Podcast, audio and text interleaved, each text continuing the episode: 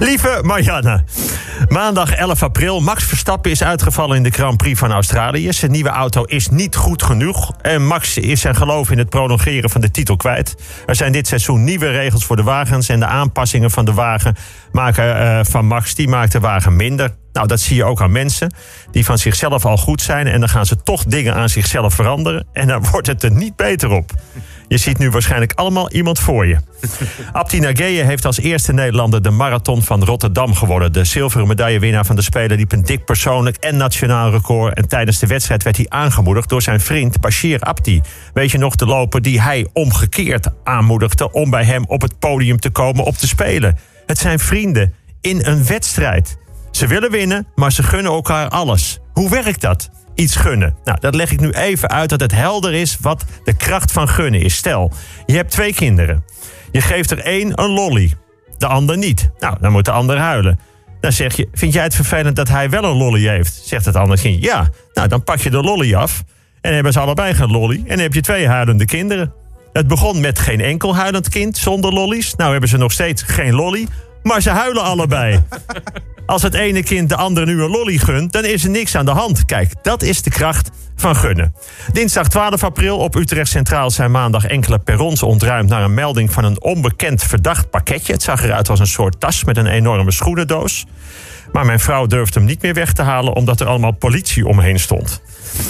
In de buurt van Valencia heeft de politie van een smokkelaar een privécollectie van bijna 1100 opgezette dieren ontdekt. Een enorme verzameling met cheetahs en leeuwen en krokodillen en olifanten en neushoorns. De politie was er al een hele tijd naar op zoek, maar nu hebben ze de smokkelaar eindelijk betrapt.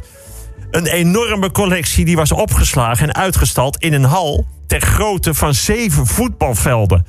Die bestaat dus al heel veel jaar. En de vraag in Spanje is nu: waarom is dat nu pas ontdekt? Het is een loods van zeven voetbalvelden. Het gaat niet om een keldertje ter grootte van zeven schaakborden. Het is een loods van 700 meter bij 500 meter. Dat is even groot als het Rijksmuseum.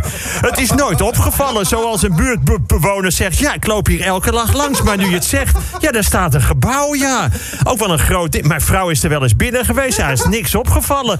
Hoeveel opgezette dieren? 1100? Ja, vogeltjes zeker. Nee, oh, olifanten en neushoorns. Nou, nooit opgevallen. En zo zie je maar, soms is iets overduidelijk aanwezig en dan zie je het toch niet. En het is vandaag 77 jaar geleden dat kamp Westerbork werd bevrijd. Je weet wel, het Nederlandse doorvoerkamp naar de concentratiekampen elders in Europa. De vader van mijn goede vriend Figo, met zijn Joodse achtergrond, ging ooit, na bijna 70 jaar zwijgen, naar het kamp. Aan de kassa zeiden ze wat hij moest betalen. Waarop hij zei: vreemd. De rest van de familie mocht hier in de tijd gewoon gratis doorlopen. Hij moest er hard om lachen tot hij binnen was en tegen de eerste boom is gaan zitten en 70 jaar tranen huilde. Woensdag 13 april, Elon Musk, die Twitter wil kopen voor 39 miljard euro. Elon Musk heeft een poll op Twitter geplaatst met de vraag of mensen iets zien in een optie om tweets na publicatie te kunnen aanpassen. Omdat je dan bijvoorbeeld na 10 minuten denktijd iets anders toch beter vindt klinken, iets minder ordinair. Als je bijvoorbeeld hebt getweet.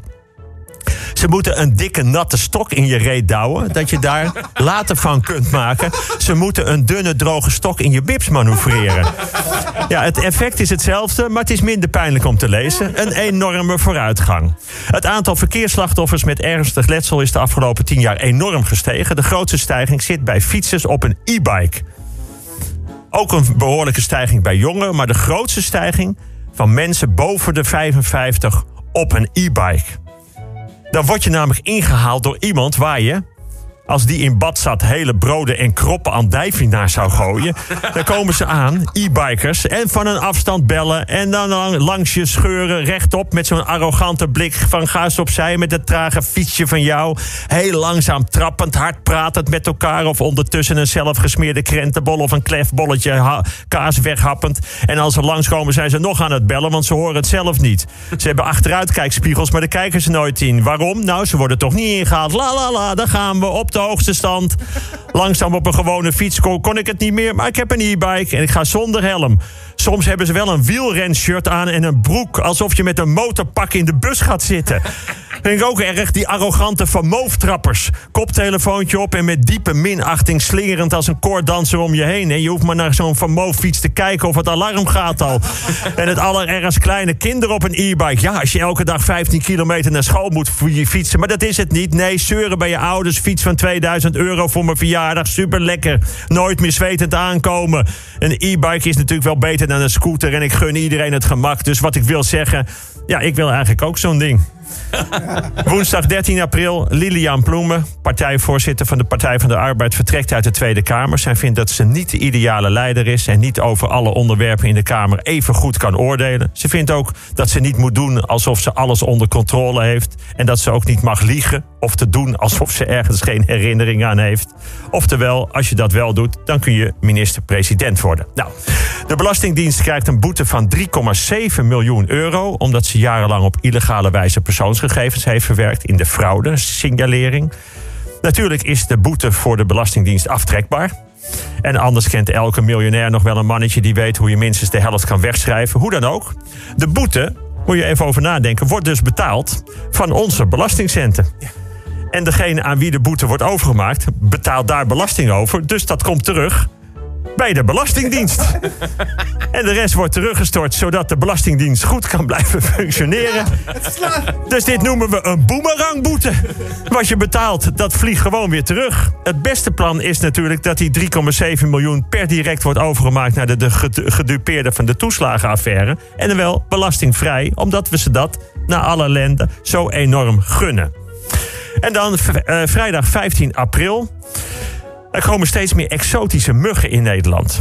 De strijd om ze weg te krijgen is moeilijk te winnen. Muggen zijn geen ijsberen die je makkelijk kunt uitroeien.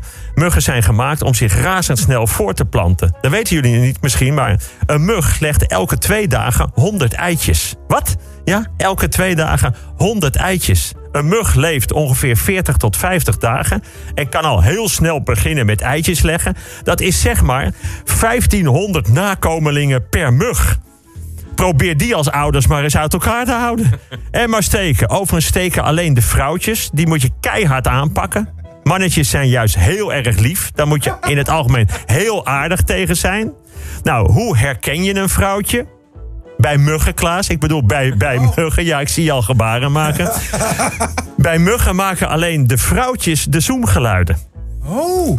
Dat zoomt maar door. Over ongelukkige vriendinnen, over dat hun man thuis niks doet. Over die ene baas die hun vleugeltjes hebben, aan hun vleugeltjes hebben gezeten. Over scholen die niet zien dat hun kinderen hoogbegaafd zijn. En we zoomen. Ze zoomen om de mannetjes te lokken. Want het zoomen wordt opgevangen door de antennes van de mannetjes. Een vrouwtje zoomt om te paren. Ik geef een tip voor het weekend. Bij mensen heet zoomen neurieën. Als je dat hoort, bedenk dan een nieuwe lente, een nieuw geluid. Erop af. Prettig weekend.